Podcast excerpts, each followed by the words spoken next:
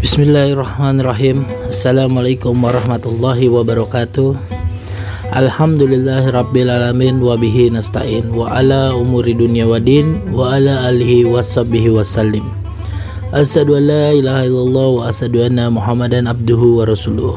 Allahumma sholli ala sayyidina Muhammadin wa ala alihi wa sahbihi wa sallim Puji syukur kehadirat Allah Subhanahu wa taala atas segala nikmat dan hidayah hingga kita bisa bertemu kembali di Rempot Remo Podcast.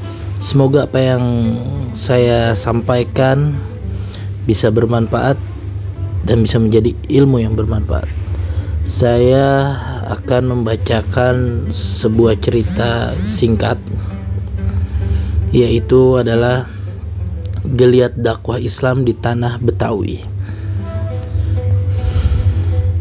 Geliat dakwah di tanah Betawi telah berlangsung sejak berabad silam.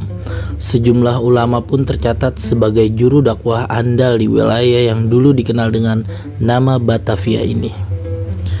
Tiang pancang atau peletak dasar dakwah Islamiyah di tanah Betawi disebut tiga serangkai ulama tanah Betawi.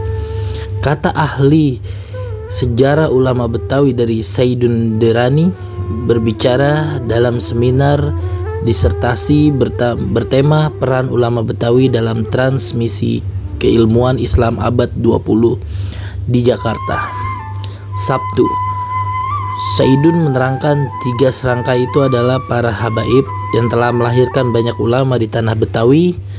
Yang pertama Al-Habib Ali bin Abdurrahman Al-Habsi atau lebih dikenal Habib Ali Kuitang yang hidup pada 1870 dengan sampai dengan 1968. Kedua, Al-Habaib Ali bin Hussein Al-Atas yang dikenal sebagai Habib Ali Bungur hidup pada 1891 dan 1000 sampai 1976.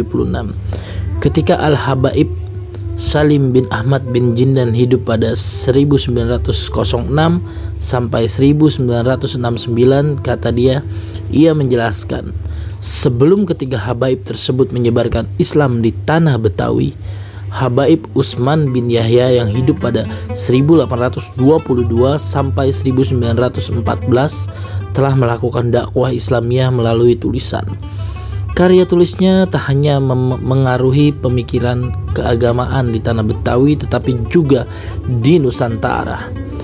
Begitu signifikan peran para syahid melakukan dakwah Islamiyah di Nusantara termasuk di tanah Betawi, ujar dosen UIN Syarif Hidayatullah Jakarta ini seiring bergulirnya waktu kegiatan dakwah Tiga serangkai ulama Betawi itu diteruskan oleh murid-muridnya. Di antara mereka adalah guru masyur, guru Mukhni, Kiai Haji Abdullah Syafi'i, Kiai Haji Nur Ali, Kiai Haji Tohir Rohili, dan Kiai Haji Mu'alim Syafi'i Hazdami. Karena pengaruh perkembangan zaman, perjuangan dakwah yang mereka lakukan tentu berbeda tantangannya dengan perjuangan guru mereka dalam berdakwah dan mengajarkan ilmu keislaman, para ulama, ulama Betawi biasa melakukannya melalui jalur pendidikan seperti pengajian malam di rumah guru, masjid, majelis taklim, madrasah, dan pondok pesantren. Sumber sejarah menyebutkan Habib Ali Kuitang adalah pelopor berdirinya majelis taklim pertama di tanah Betawi. Kata Saidun, majelis taklim itu dibuat karena jamaah yang ingin memperdalam ilmu agama Islam semakin banyak sehingga tak mampu lagi ditampung di rumah guru ataupun masjid. Model majelis taklim ini berkembang pesat di Betawi dan banyak melahirkan ulama-ulama Betawi. Eksistensi majelis taklim terbukti tak lekang oleh zaman hingga saat ini. Majelis taklim tumbuh subur di tanah Betawi seiring perkembangan zaman terjadi pula transformasi lembaga pendidikan Islam masyarakat Betawi sehingga lahirlah madrasah dan pondok pesantren. Cerita singkat ini semoga bermanfaat dan menjadi ilmu yang bermanfaat. Rempot pamit undur diri. Wassalamualaikum warahmatullahi wabarakatuh.